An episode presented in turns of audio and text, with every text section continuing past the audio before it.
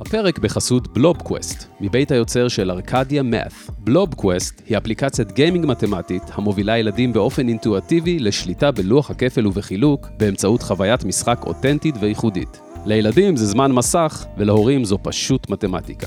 בלובקווסט, חשבון ומשחק ילדים.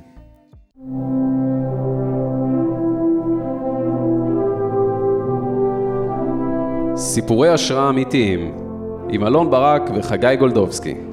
קבלו סיפור על רקדנית בלט מניו יורק, אשר ללא שום רקע בהקמת סטארט-אפ, תוך כדי הריון, הצליחה לבנות סטארט-אפ שעשה מהפכה אמיתית בעולמות הכושר. והכל בזכות כוח רצון, חשיבה מחוץ לקופסה ותשוקה מטורפת. תכירו את ברין פטנאם, המייסדת של הסטארט-אפ מירור, סטארט-אפ שהוגדר על ידי המגזינים הנחשבים בעולמות הטכנולוגיה כ... A revolutionary startup that is changing the fitness game. ברין לא הגיעה ממשפחה של יזמים, וגם לא היו לה שום קשרים לאקוסיסטם הטכנולוגי. מגיל 16 היא כבר הייתה רקדנית מקצועית, וגם הגיעה לבלט של ניו יורק. זה מה שהיא בעצם עשתה כל חייה. השנה היא 2016, וברין נכנסה להיריון, ובעקבות כך היא לא הצליחה להגיע למכון הכושר, עקב בחילות הריון ועוד סימפטומים אחרים. אז היא יושבת בבית, מבואסת מהסיטואציה, ומתחילה לחשוב איך היא פותרת את זה. ושם, מתוך אותו כאב, עלה לה הרעיון הראשוני לסטארט-אפ. בתור רקדנית עילית, שבילתה זמן משמעותי מחייה מול מראות, עלה לה החיזיון הבא. מה אם הייתה לי מראת קסמים שתספק לי יותר תוכן, יחד עם שכבות של דאטה חכם, ותסייע לי להתאמן מתוך הבית בצורה חכמה יותר? ברין החליטה שהיא הולכת על זה. היא עזבה הכל והחליטה לבנות אב טיפוס במימון עצמי, ותוך כדי גם התחילה לבנות את מצגת המשקיעים שלה. במהלך חודשי ההיריון, היא התחילה לעשות הסלינג ולהגיע למשקיעים דרך הקשרים שלה מעולמות הבלט. זה לא היה קל. לפי ראיון איתה, זה אפילו היה נוראי. אבל קלטו ציטוט שלה על התשוקה והאמונה שפיצו על חוסר הניסיון שלה ביזמות. I felt really strongly that we had a really great product and that the market was ripe for the opportunity. I didn't want to miss my chance with my first business.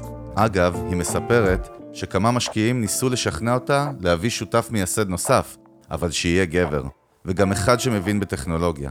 בכך הם רמזו לה שהיותה אישה לא יספיק כדי שהמיזם יצליח. מבאס. אבל איך היא הגיבה?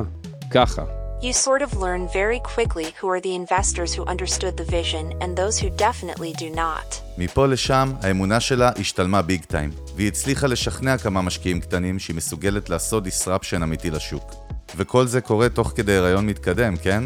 כאשר כל העולם משדר לה שעדיף לה לשחרר את ההזיה הזו, ופשוט לחזור לרקוד בלט.